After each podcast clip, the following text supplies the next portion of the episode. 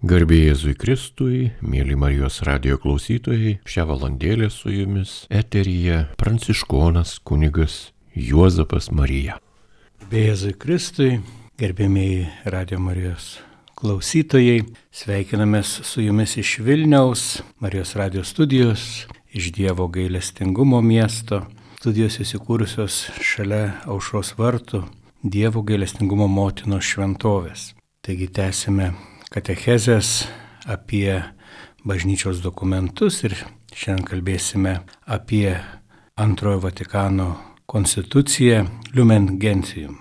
Ši konstitucija buvo paskelbta 1964 metais lapkričio 21 dieną popiežiaus Pauliaus VI. Šis antrasis Vatikano susirinkimas Tiem, kas galbūt mažiau susipažinę, priminsime, tai yra 21-asis visuotinis bažnyčios susirinkimas, kuris turėjo keturias sesijas, taigi tęsiasi keturis metus, visuomet rudenį vykdavo po aštuonias ar dvylika savaičių, panašiai kaip nesenai turėta, turėjome sinodinį susitikimą, taip ir antrasis Vatikano susirinkimas rinkdavosi rudenį ir bažnyčios Kardinolai, viskupai, teologai susirinkę diskutuodavo įvairiausiais klausimais ir buvo patvirtintos keturios konstitucijos ir viena iš jų Lumen Gentium, kuri išvertus iš latinų kalbos reiškia tautų šviesa, kalba būtent apie bažnyčią. Ir šiandien nagrinėsime vieną iš jos skyrių, būtent apie pašaukimą visuotiniam šventumui. Taigi kartu po truputį skaitykime šį skyrių ir pasistengsiu jį komentuoti. Bažnyčia, kurios lėpinis kelbė šventasis sinodas, tikėjimo akimis yra nepažeidžiamai šventa. Taigi galime iš karto staptelti, kada kalbama apie bažnyčios šventumą, tai gali natūraliai kilti įvairiausių klausimų. Tai kaipgi čia taip yra, kada kartais girdime ir apie įvairiausias klaidas ar net nuodėmės bažnyčioje, tai kurgi tas jos šventumas. Tai kalbama visų pirma apie bažnyčios prigimti, apie jos steigėją, būtent Jėzų Kristų, kurio mistinis kūnas yra bažnyčia. Taigi jis savo prigimtimi, savo šaltiniu yra šventa ir iš to kyla jos ir pašaukimas į šventumą. Taigi dokumentas toliau tai ir komentuoja. Juk Dievo sūnus Kristus kartu su tėvu ir dvasia skelbiamas kaip viena šventa. Mylėjo bažnyčią kaip savo sužadėtinę, atidavė už ją save įdant pašventinti. Taigi matome, kad kalbama apie pašventinimą, apie procesą, taigi susivienijo su ją kaip su savo kūnu, dovanodamas šventąją dvasę, pripildė ją Dievo garbiai. Todėl bažnyčioje visi priklausantieji, hierarchija arba jos ganomieji yra pašaukti šventumu, kaip sako paštalas. Tokiagi Dievo valia jūsų šventėjimas. Taigi, matome, kad kalbama apie procesą, į kurį bažnyčia yra pašaukta būtent šventėti. Ir tas šventėjimas iš tiesų, na, jisai užtrunkantis dalykas ir kai kuriems pavyksta greičiau ir bažnyčia su džiaugsmu tokius žmonės, vyrus ir moteris skelbia šventaisiais, tai yra mums kaip pavyzdžiais, kaip to šventumo siekti. Nuo visa bažnyčia, kalbama, yra pripildyta šventosios dvasios, kuri ir atlieka mumise tą pašventinamą į darbą. Tačiau šis bažnyčios šventumas be paliovos reiškiasi ir turi reikštis malonės vaisiais, kuriuo šventoji dvasia brandina tikinčiuosiuose. Jis įvairiopai atsiskleidžia pavieniuose asmenyse, kurie savo gyvenimu siekia meilės tobulybės, šitai auklėdami ir kitus. Taigi, kaip minėjome, kalbama apie tuos iškilius pavyzdžius mūsų tikėjimo brolius ir seseris, kurie na, įkvepia ir mus siekti to šventumo ir liudija, kad įmanoma, įmanoma net šio pasaulio sukūriuose ir sunkumuose vis tik siekti to šventumo. Taigi toliau dokumentas kalba. Charakteringų būdų šis šventumas iškyla aikštėn vykdant patarimus, kuriuos įprasta vadinti evangeliniais. Daug krikščionių šventosios dvasios raginami šiuos patarimus vykdo tiek privačiai, tiek pasirinkę bažnyčios pripažintą gyvenimo būdą ar luomą. Pasauliui tai yra ir turi būti puikus šio šventumo liudijimas ir pavyzdys. Taigi dokumentas kalba apie evangelinius patarimus, Ir noriu tik priminti, tai tie evangeliniai patarimai dažniausiai yra išryškinami pašvestojo gyvenimo broliuose ir seserise jų įžadais, tai neturtų paklusnumu ir skaistumu.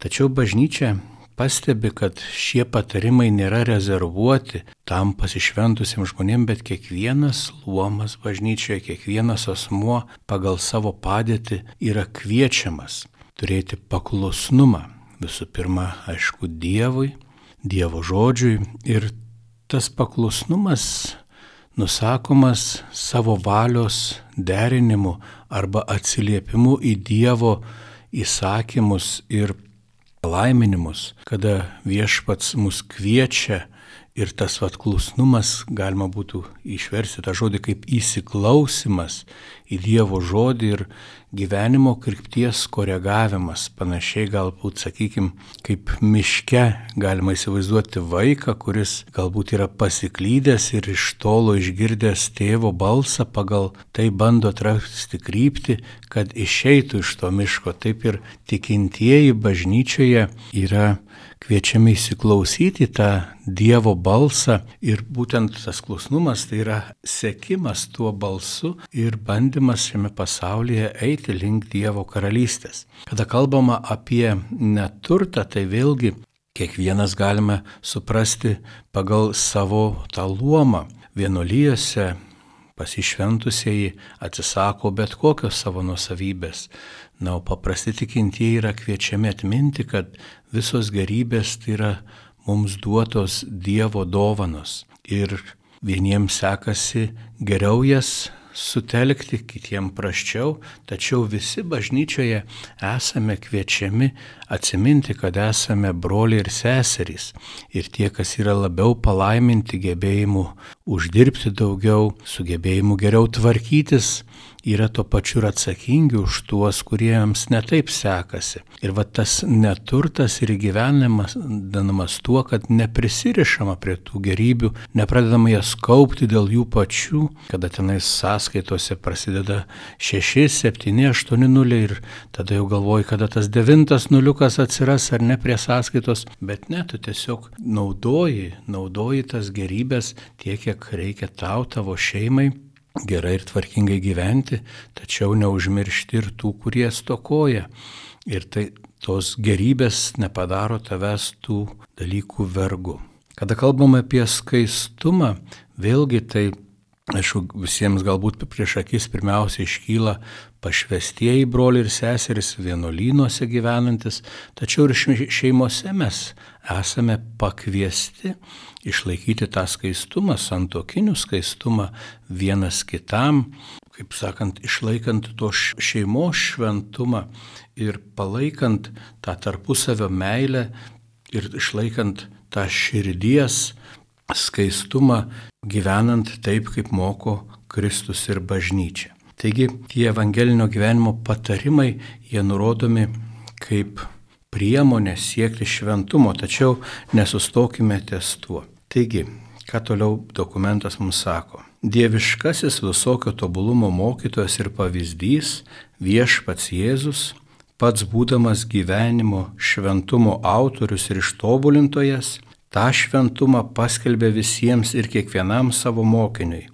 kad ir kokia būtų jo padėtis. Taigi, bet kaip minėjome, nežiūrint kokiam luomui ar padėčiai priklausai, vis tik Jėzus ragina, būkite tokie tobuli, kaip jūsų dangiškasis tėvas yra tobulas.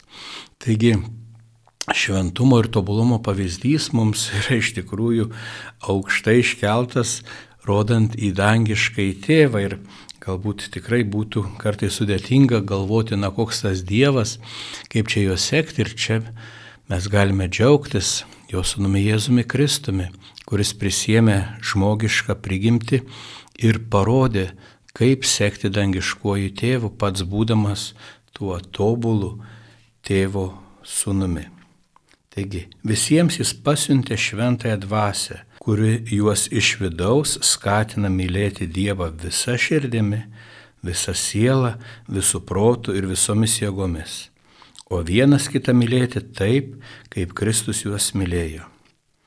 Kristaus sekėjai yra Dievo pašaukti ne dėl savo darbų, bet pagal jo paties planą bei jo malonę ir yra nuteisinti viešpatį Jėzui Kristuje bei tikėjimo krikštų tapę Dievo vaikais, iš dieviškos prigimties dalininkais, todėl iš tikrųjų tapę šventi. Tad iš Dievo gautą šventumą jie privalo išlaikyti ir tobulinti savo gyvenimu. Čia norėtųsi vėlgi staptelti, ar ne taigi kreipiamasi į tikinčiuosius, į bažnyčios narius jau kaip į šventuosius. Įsivaizduokite, kad kiekvienas iš jūsų Dievo yra matomas kaip šventasis. Ir čia aš jau pats pirmasis, bet ir kiti tikriausiai galėtume muštis į krūtinę ir sakyti viešpatie, bet tai man dar toli kito šventumo, dar daugiau sakyti turėtume viešpatie pasigailėk manęs nusidėjėlio. Tačiau turime atminti, kad Dievo žvilgsnis peržengia laiką, peržengia erdvę ir jisai mato mūsų tą galutinį išgelbėjimą, jisai mato tai, ką mes esame pašaukti, jis mato ne tik mane šiandien esantį čia, bet jau mato mane tą, kurį jisai pašaukė ir sukūrė amžinybei. Taigi jisai mane kreipiasi į tai, kas aš dar būsiu. Ir tai yra didelis pasitikėjimas iš Dievo pusės, bet taip pat man įpareigojimas Na ir padrasinimas. Jeigu Dievas tiki, kad aš galiu būti šventas, galbūt ir aš turėčiau tuo patikėti. Ir kiekvienas atsikėlęs dieną tikriausiai pradame galvoti, ką čia turėsime nuveikti, kokie darbai, kokios pareigos mūsų laukia, ką čia reikės susitikti, apie ką kalbėti, bet tikriausiai retas pagalvojame, o kaip šiandien auksiu šventume. Juk mano pagrindinis tikslas, pagrindinis darbas šioje žemėje, jeigu galima taip įvardinti, yra šventėti. Taigi turėtume savo užduoti tą klausimą, ką šiandien padarysiu, kad aukčiau šventume. Nes toks mano yra pašaukimas, tam aš esu šioje žemėje gimęs. Ne nueiti kažkokį darbą atlikti, ne su kažkuo susitikti, kas irgi yra be galo svarbu ir kas taip pat mums suteikia daugybę progų šventėti. Kiekvienas susitikimas, kiekvienas darbas yra tarsi proga darbuotis dėl tos Dievo karalystės, bet turime atminti tą galutinį tikslą. Prisimenu tą tokį paprastą pasakojimą, kuris galbūt ir jums yra girdėtas, kada atėjo žmogus į statybų aikštelę ir pamatęs ten besidarbuojančių žmonės, klausė, ką jūs čia darote. Tai vienas sako, aš čia maišau cementą, kitas sako, aš nešioju plytas, trečias sako, na, aš iš tų plytų dėlioju, čia sienas bandau padaryti, nu, vienas iš jų sako, o aš statau katedrą. Taigi mes irgi įvairiausius darbus darome gyvenime, bet jeigu turėsime tą galutinį tikslą, kai paklaus tavęs, ką tu čia veiki šioje žemėje, turi pasakyti, aš siekiu šventumo, aš siekiu dangaus, aš noriu būti šventas. Ir jeigu tas noras ir troškimas bus mano širdyje, jeigu tai atsiminsime, tuomet net ir tie kasdieniai suklupimai, tai bus tik tais proga staptelti, apmastyti, kas netaip atsitiko ir lipti dar vieną laiptelį viršų jau pakilusių Dievo pagalba. Nagi žiūrėkim, ką toliau mums sako bažnyčia. Apaštalas ragina, kad jie gyventų kaip dera šventiesiems, ar ne apie tai, ką kalbėjom, bei kaip Dievo išrinktieji šventieji ir numylėtiniai apsivilktų nuo širdžių gailestingumu, gerumu, nuolankumu, romumu ir kantrumu. Taigi kalbam apie tas dorybės, kurias esame kviečiami praktikuoti ir kad dvasios vaisiai būtų jų šventumas. O kadangi visi daug kuo nusižengėme, kaip apaštalas Jokūbas mums sako, tai nuolat esame reikalingi Dievo gailestingumo ir turime kasdien melstis, atleisk mums mūsų kaltes. Taigi apie tai, kaip kalbėjome, kad tas mūsų suklupimai ir silpnumai neturėtų mūsų išgazdinti, bet paskatinti dar labiau ieškoti Dievo, pasivesti jo gailestingumu ir melstis. Ir čia yra gera proga prisiminti atgailos sakramentą, išpažinti, ar ne? Tikiuosi, kad dažnas naudojamės šią malonės priemonę, nes tai yra viena didžiausių dovanų, kurią Dievas paliko bažnyčiai. Ir dėja, velnės, žinodamas, kad tai yra didžiulė dovana, dažnai žmonės gazdinas, ragindamas neiti, sakyti, ką tu čia tam nukvaišusiam kunigui aiškinsi apie savo gyvenimą, tegul jisai savęs žiūri ir kodėl aš čia turėčiau iš viso kažkam kažką pasakoti. Iš ties tai yra Dievo malonės dovana, kad mes savo gyvenimo naštas, savo suklupimus galime atnešti Dievo akivaizdon, būti iš jų išlaisvinti, sustiprinti ir pakilę eiti su Dievo palaiminimu toliau. Iš ties juk išpažinimas nėra ataskaita Dievui, ką padarėm. Jis netgi geriau už mus pačius žino, ką mes ir kaip darom. Bet tai yra suklupimas tėvo akivaizdoje ir sakymas, tėve, nepavyko. Bandžiau, bet suklupau. Pritrūko suvokimo, pritrūko išminties, pritrūko kantrybės, buvau silpnas, buvau apsileidęs. Dieve, visą tai atnešu tavo akivaizdon, kad tu mano silpnumą, mano trapumą paimtum ir savo malonės dėka perkeistum ir duotum man jėgų pakilus vėl bandyti iš naujo, su tavo palaiminimu, su tavo padrasinimu. Ir tai yra kelias į šventumą.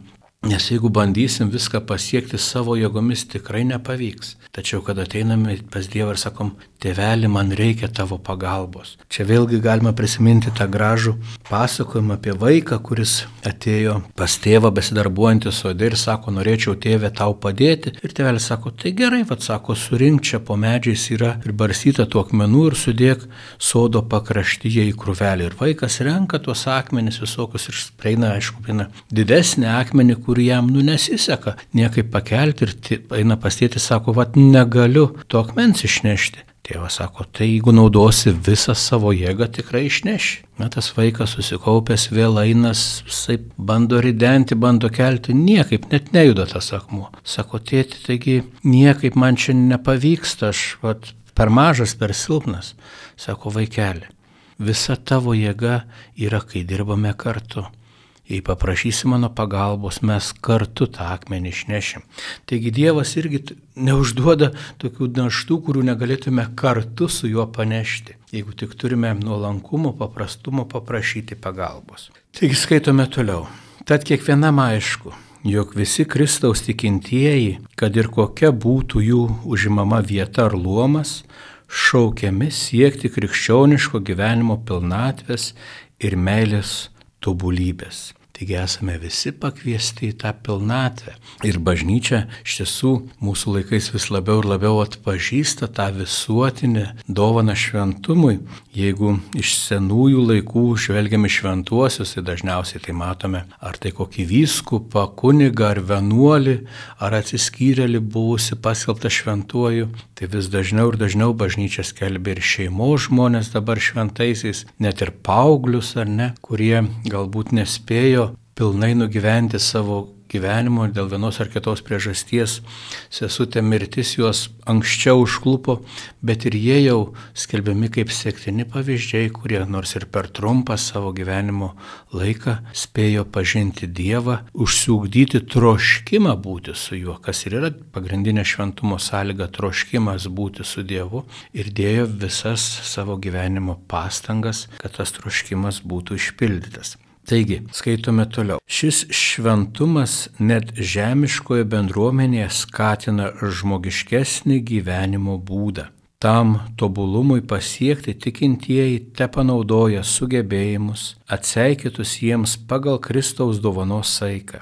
Įdan sekdami jo pėdomis taptų į jį panašus ir visur klusniai vykdydami tėvo valią, visa dvasia pasišvestų Dievo garbėjai ir artimo tarnybai. Šitaip Dievo tauto šventėjimas suvešės gausiais vaisiais, kaip bažnyčios istorija ryškiai rodo daugybės šventųjų gyvenimų. Taigi pastebima, kad kiekvienas esame apdovanoti skirtingais gebėjimais ir skirtingomis dovanomis. Ir tikrai va tas šventųjų pavyzdys kartais gali mus šiek tiek ir suklaidinti, kai sakome, va noriu būti kaip šventasis Ignacas, kaip šventasis Dominikas, šventoji Elžbieta ar Pranciškus ar dar kažkas. Ir jeigu bandysime juos kopijuoti kurį laiką, iš tiesų gali ir neblogai sektis, nes, na, jie tikrai paliko gerų pavyzdžių. Tačiau toliau turėsime vis tik atrasti kiekvienas savo kelią nes kiekvienas esame apdovanoti išskirtinėmis ir skirtingomis dovanomis. Ir Dievas ne šiaip su mus padarė skirtingus. Jeigu būtų norėjęs turėti daug vienodų, tai būtų ir padaręs. Tačiau kiekvienas esame skirtingi tam, kad kiekvienas įneštume savo skirtingą indėlį, savo dalį į tą Dievo karalystės statybą. Ir kaip gražiai kažkur teko skaityti, sako, danguje, kada stosime prieš viešpaties sostą, nieks neklaus, kodėl nebuvai kaip šventoji motina Teresė, kodėl nebuvai kaip šventasis Pranciškus ar kaip šventas Dominikas, bet tavęs paklaus, kodėl nenaudojai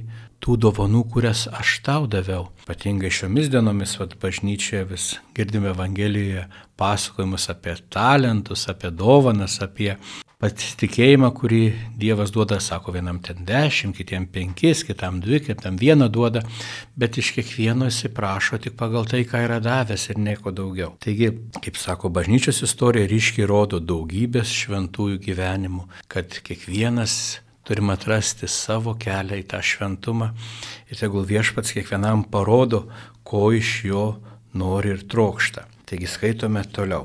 Įvairiais gyvenimo būdais ir pareigomis visi siekia vieno šventumo. Taigi visi esame pašaukti į tą iš tikrųjų galutinį tikslą ir negali sakyti, kad štai tas gaus daugiau dangaus ar mažiau. Ir čia net nėra vietos pavydui, ar ne, kad Dievas tarsi tą labiau myli. Pats Pati dovana, pats dangus, tai yra visa, ko galime tikėtis ir netgi daugiau.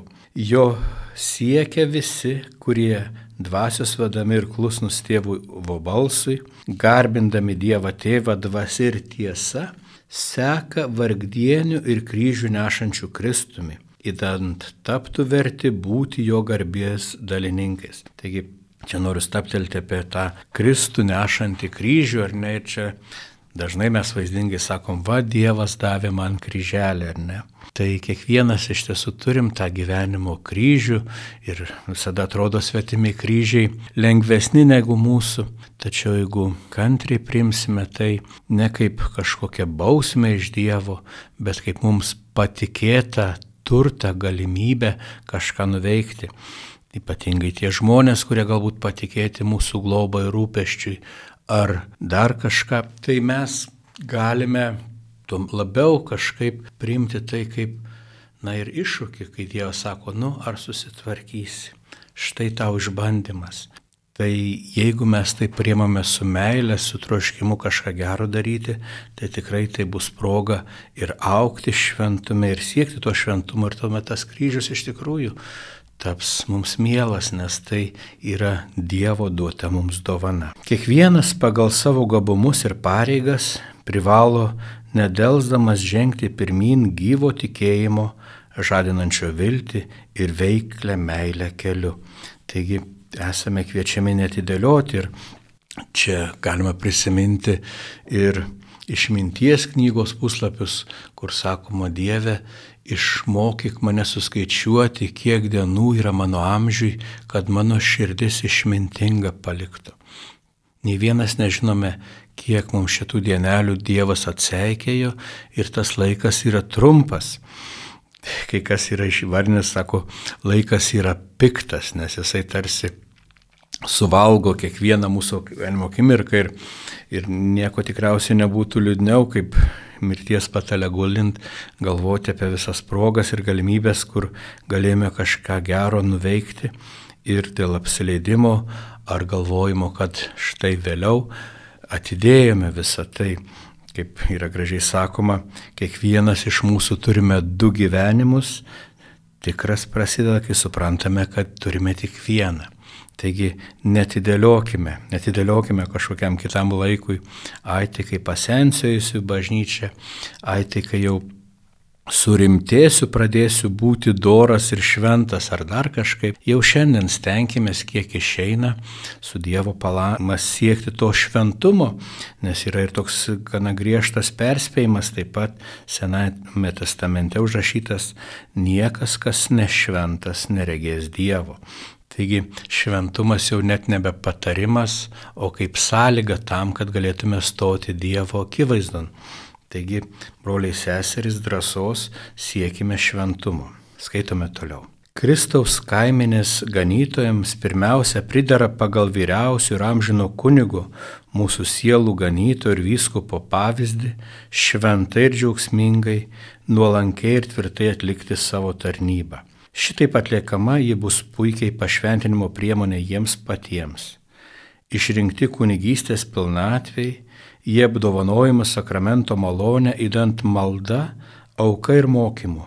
Kiekvienu vyskupiško rūpeščio ir tarnybos pavydalu galėtų tobulai vykdyti pastoracinės meilės pareigas. Nebijotų aukoti savo gyvybės už žavis ir tapę kaiminės paveikslu, taip pat ir savo pavyzdžių kasdien vestų bažnyčią į vis didesnį šventumą. Taigi čia dokumentas kalba apie vyskupus, kuriems yra patikėta vadovauti bažnyčiai, Kristaus kaimenė, kaip čia gražiai sakoma. Ir čia yra toks tarsi ir įpareigojimas, ir priminimas, kam daug duota, iš to bus daug ir pareikalauta. Taigi esame taip pat kviečiami ir melstis už savo ganytojus, kad Dievas duotų jiems jėgų ir išminties tinkamai vadovauti kaimeniai ir kad jie savo pavyzdžių tikrai įkvėptų ir uždegtų žmonės siekti šventumo, na ir patys besidarbuodami dėl bažnyčios ir vairiausiose rūpeščiuose, kartais administraciniuose tvarkymuose paskendę, neužmirštų, kad ir jie yra pašaukti šventumą ir Čia toks dar ir taip pat priminimas, kad, na, neužtenka turėti vyskupo kepurės ar kunigo batų, kad pakliūtum į dangų. Reikia vis tik turėti ir tą Dievą mylinčią širdį ir švarę, skaiščią sielą, kad galėtume Dievui patikti. Skaitome toliau. Kunigai, būdami dvasiniais viskupų pagalbininkais pagal viskupų luomo panašybę ir per Kristų amžinai vienatinį tarpininką, gaudami dalį vyskupo pareigų malonės, kasdien atlikdami savo pareigas, te auga Dievo ir artimo meilė, te sergsti kunigiškos bendrystės ryšius, te turi gausiai visokio dvasinio gėrio ir visiems gyvai te liudė Dievą varžydamėsi su tais kunigais, kurie amžių buvę dažnai nusižeminusių ir kitų nepastebimų darbų yra palikę iškilnų šventumo pavyzdį. Taigi kalbama apie tą kartais ir nepastebimą paprastą darbą ir aišku žmogiškas mūsų trapumas, nu, sako, vat, būk pastebėtas, na ir kiekvienas norim būti kažkaip ir aplinkinių mylimas ir gerbiamas ir kartais mums to pritrūksta. Ir čia vėlgi kreipimasis į paprastus žmonės, mylėkite savo kunigus, pagirkite juos, pasidžiaukite jais, nes to iš tikrųjų jiems reikia, kiekvienas norime to žmogiško paprastumo, nu, žmogiškos draugystės ir visa tai yra taip pat mums ir padrasinimas ir įvertinimas, kad štai ką darome jums yra svarbu, kad jūs pastebite ir pamatote, nes tikrai ne vieną su kuniga sutikęs, kuris nusivylė, sako, štai darbuojuosi, va čia jau dešimt metų toj parapijai ir nesu išgirdęs žodžio ačiū. Ir atrodo, atiduodi visą širdį, o žmonės, va, tarsi priima, kad taip ir turi būti, tugi kunigas tau tai priklauso. Žinoma, kad priklauso, tačiau neužmirškime, kad esame dar ne angelai, esame žmonės ir tas paprastas ištartas ačiū labai sušildo ir padrasina ir duoda jėgų išbandymuose. Kai skaitome toliau. Dievo bažnyčia juos didžiai gerbė iš pareigos, melzamiesi ir atnašaudami auką už savo žmonės ir visą Dievo tautą, tesistengia suprasti, ką daro ir kartoti gyvenimu, ką atlieka ženklais užuot leidėsi apaštalavimo rūpeščių, pavojų ir vargų trukdomi, jais kaip tik tekopė į aukštesnį šventumo laipsnį, maitindami ir puoselėdami savo veiklą kontempliacijos gausa visos bažnyčios džiaugsmui. Visi kunigai, ypač tie, kurie dėl savo šventimų vadinasi viskupijų kunigais, tetmena, kiek daug jų šventimų, šventumui padeda ištikima vienybė ir didžiadvasiškas bendravimas su savo vyskupu. Tai čia primenama, kad na, kunigai, nors kartais ir galbūt tolimuose parapijose, yra vis tik bendrystė su vyskupu ir tegul ir jame mato tą mylinti, globojanti tėvą, su kuriuo gali pasišnekėti apie savo rūpeščius ir pačio perspėjimą, kad įvairiausi darbai, kartais iš tiesų, vat, matai, kiek daug atima laiko ir tas bažnyčių remontas, priežiūra, kur tikrai galėtų ir pasauliečiai daugiau įsitraukti, jausdami tą ryšį su savo vietinė bažnyčia, su tu kad galėtų iš tiesų kunigai rasti laiko ir asmeniniam rekolekcijom, ir asmeniniai maldai. Na ir vyskupas tegul atmena, kad jie yra jo bendradarbiai ir kad vyskupo pareiga taip pat rūpintis savo kunigų šventumu. Skaitom toliau. Vyriausio kunigo pasiuntinybės ir malonės dalininkai ypatingų būdų yra ir žemesnio laipsnio tarnautojai. Pirmiausia, diekonai, kurie tarnaudami Kristaus ir bažnyčios lepiniams turi sergėti savo tyrumą nuo bet kokios įdos, patikti Dievui ir rūpintis kiekvienu gėriu tarp žmonių. Klierikai viešpatės pašaukti ir paskirti savo ganytojų priežiūroje, rengdamiesi tarnybos pareigoms, turi stengti savo dvasia ir širdimi atlikti tokį aukštą pašaukimą uoliai melstis, karštai mylėti, mąstyti tai, kas tikra, teisinga ir garbinga, visą atlikti Dievo garbiai. Prie jų pridėtini ir tie Dievo išrinkti pasauliečiai, kurie vyskupo pašaukti, visiškai atsidėti paštalavimo veiklai, neždami gausių vaisių darbuojasi viešpaties dirboje. Taigi čia kalbama ir apie kitus bažnyčioje tarnaujančius žmonės, kalbam apie diakonus, apie seminaristus, klierikus, kurie ruošiasi ir primenama, kad jie šalia to mokslo, šalia bandymo įgyti žinių, kaip tarnauti, yra pašaukti aukti savo šventume, nes būtent tapdami Dievo šventaisiais, jie geriausių būdų galės pasitarnauti. Čia galime prisiminti ir tuos paprastus šventuosius, kurie galbūt pasaulio akimis ir nebuvo labai išsilavinę, tačiau be galo mylėjo Dievą.